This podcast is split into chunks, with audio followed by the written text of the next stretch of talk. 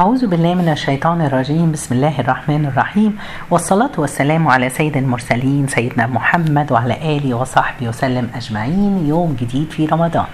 مع قصة من قصص جدتي. قبل ما نبتدي هنصلي على الرسول عليه الصلاة والسلام. اللهم صل وسلم وبارك على سيدنا محمد. قصتنا النهاردة بعنوان الحب في الله. بتحكي جدتي إن كان مرة الرسول عليه الصلاة والسلام دعا الصحابة الأربعة الكبار أبو بكر عمر عثمان وعلي وقال ناداهم واجتمع بهم. قال لهم أبا بكر اقترب. قال له يا أبا بكر كل من قدم لنا يدا كافأناه عليه إلا أنت لك يد لا يكافئك عليها إلا رب العالمين. قرب سيدنا أبو بكر منه وقال له كل واحد عمل لنا ختمة في الدنيا دي كافئناه عليها. بس انت ما حد مش هنقدر نكافئك لأن كان افضال سيدنا أبو بكر كبيرة قوي على الرسول وعلى المسلمين وعلى الإسلام فقال له يكافئك بها رب العالمين. ثم قرب أبا حفص اللي هو سيدنا عمر. وضع ركبته إلى ركبته يعني قعد كده وركبته في ركبته قدام بعض. قد كنت شديدا علينا يا أبا حفص في الجاهلية فمن الله عليك بالهداية. ووضع يده مفتوحة على أبو بكر وعمر وقال هكذا يدخل ثلاثتنا الجنة. ما أجملها. ثم نظر سبحان الله يا جماعة. يعني أنتم متخيلين شعور سيدنا عمر وأبو بكر بحاجة زي كده إيه؟ إن هو يحط إيده عليهم الرسول. اللهم ارزقنا صحبتك يا رسول الله في الجنة. ثم قال لعثمان يا عثمان لو كانت عندنا ثالثة ما زوجناها إلا لك. لما ماتت بنت رقية وبعد كده أم كلثوم. سبحان الله. قال له والله لو عندي تالتة كنت جوزتها لك إيه اللي إيه المخصوص فيك يا عثمان؟ سبحان الله. إحنا في زمان ده هنعلق عليها بعدين. ثم قرب أبا الحسن وقال اللي هو سيدنا علي. أمرني جبريل أن أزوجك من فاطمة ولو لم تخلق ما وجدنا كفءا ليتزوج فاطمة. إيه ده يا جماعة هو دي القصة اللي حكيتها لي جدتي. هو ده الموقف اللي كان الرسول مع الصحابة الأعظم الأربعة. أعظم صحابة سبحان الله كانوا حوالين الرسول. لو قعدنا فكرنا في القصة الجميلة دي هنلاقي إن الرسول عليه الصلاة والسلام فعلا كان واقف يوزع نياشين على الصحابة ويوريهم كل واحد قدره إيه؟ عنده وعند ربنا سبحانه وتعالى. أبو بكر محدش يقدر يسبقه. زي ما قال له الرسول عليه الصلاة والسلام قال لنا إيمان الأمة في كفة وإيمان أبو بكر في كفة أخرى.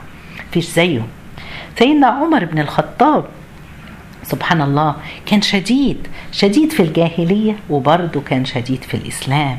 هو كان الهداية والخير لما ربنا أذن له. سبحان الله. وتخيلوا إحساسهم وهم مع الرسول بيقول لهم إحنا داخلين إحنا الثلاثة الجنة. يا يا رب فعلا أرزقنا صحبة الحبيب المصطفى صلى الله عليه تعالوا نشوف عثمان. عثمان اللي الرسول جوزه بنتين من بناته. واحدة ولما توفت جوزوا التانية. وبيقول له والله بعد ما التانية ماتت كمان لو عندي ثالثة لزوجتك إياه. إيه اللي خاص فيك يا سيدنا عثمان إنك تكون بهذه الشيء؟ والثالث سيدنا علي اللي سيدنا جبريل أمر الرسول أن يزوجه علي. فبيقول له لو ما كنتش أنت اتخلقت ما كناش لاقينا واحد. سبحان الله هو ده الحب في الله. هو ده اللي إحنا عاوزين نوصل هو ده الدرس اللي جدتي كانت عاوزانا نتعلمه واللي إحنا محتاجين نتعلمه.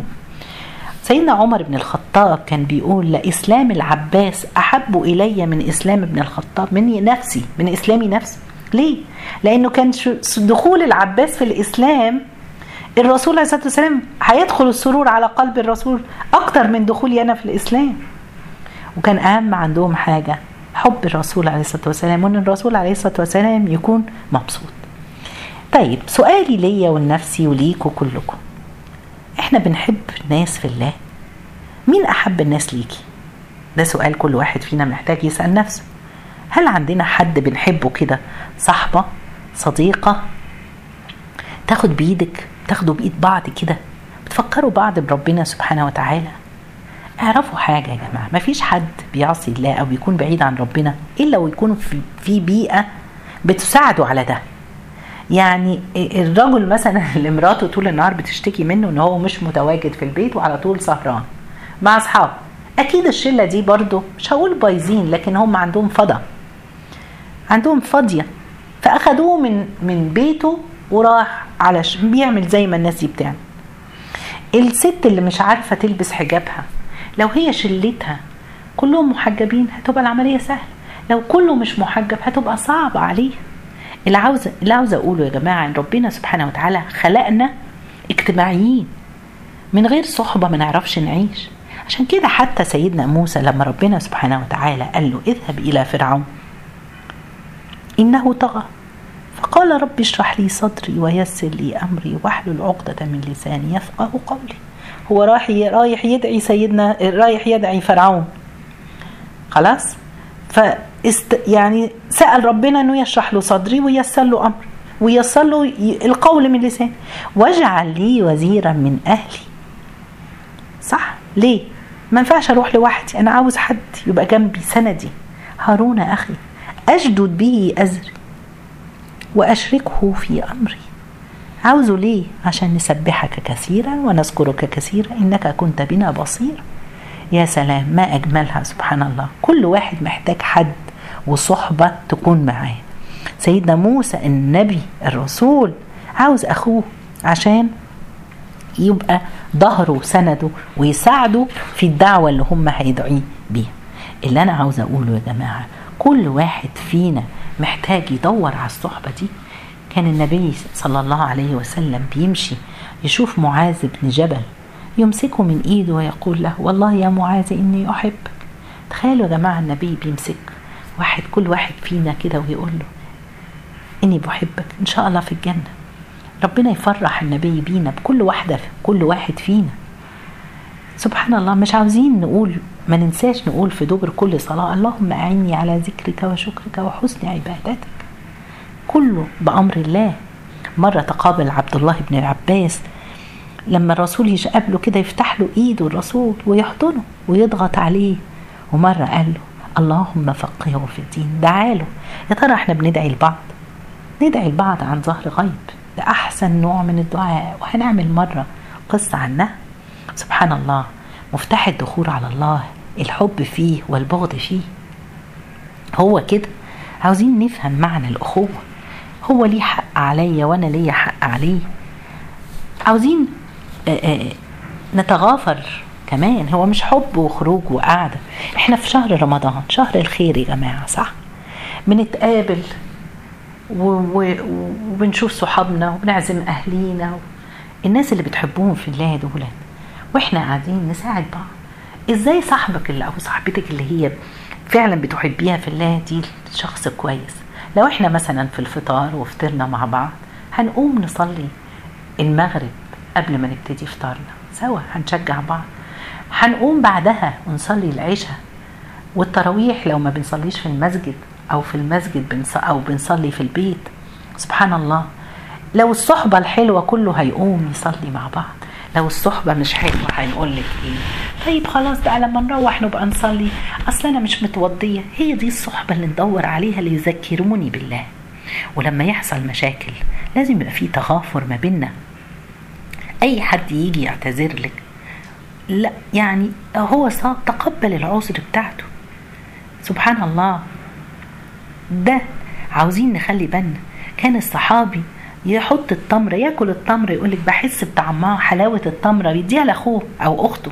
تاكلها يقول لك أحس بطعم حلاوتها في بقي. بس مجرد إن صديقه أو صديقته مبسوط. شوفوا ود الصحابة كان عمر بن الخطاب يقول أين معاذ بن جبل؟ فيقول له نعم يا أمير المؤمنين. ده أمير المؤمنين الرئيس الملك. هو فاضي يدور على معاذ بن جبل يقول له إيه عمر؟ والله لقد ذكرتك بالليل فوجدت إنك قد وحشتني فبكيت فيبكي مع معاذ لهذا الشعور. إيه المحبة والود ده؟ سبحان الله. بعد ما قتل سيدنا علي اختلف الحسن والحسين ولاده. فالحسن كان عاوز الصلح والحسين كان عاوز القتال. ويبايع معاوية. ذهبوا للحسين. قالوا له أخوك يعني أكبر منك الحسن أكبر من الحسين. روحوا صالحوا. شوفوا قال لهم إيه. سمعت جدي يقول الإخوان المتصارمان يعني المتخاصمون أسرعهما صلحا لأخيه أسرعهما دخولا إلى الجنة وأنا أتباطأ حتى يأتي أخي يبدأ بالصلح لأني أؤثره على نفسي. إيه الحب والود والجمال ده؟ شوفوا بيصروا على نفسهم إزاي. يلا أي واحد متخاصم مع حد حد زعلك روح وبادر عشان تدخل أنت الجنة الأول. ربنا يرزقنا بمن نحبهم في الله ويحبون في الله ويذكرون بالله. جزاكم الله خير. سبحانك اللهم بحمدك أشهد أن لا إله إلا أنت أستغفرك وأتوب إليك.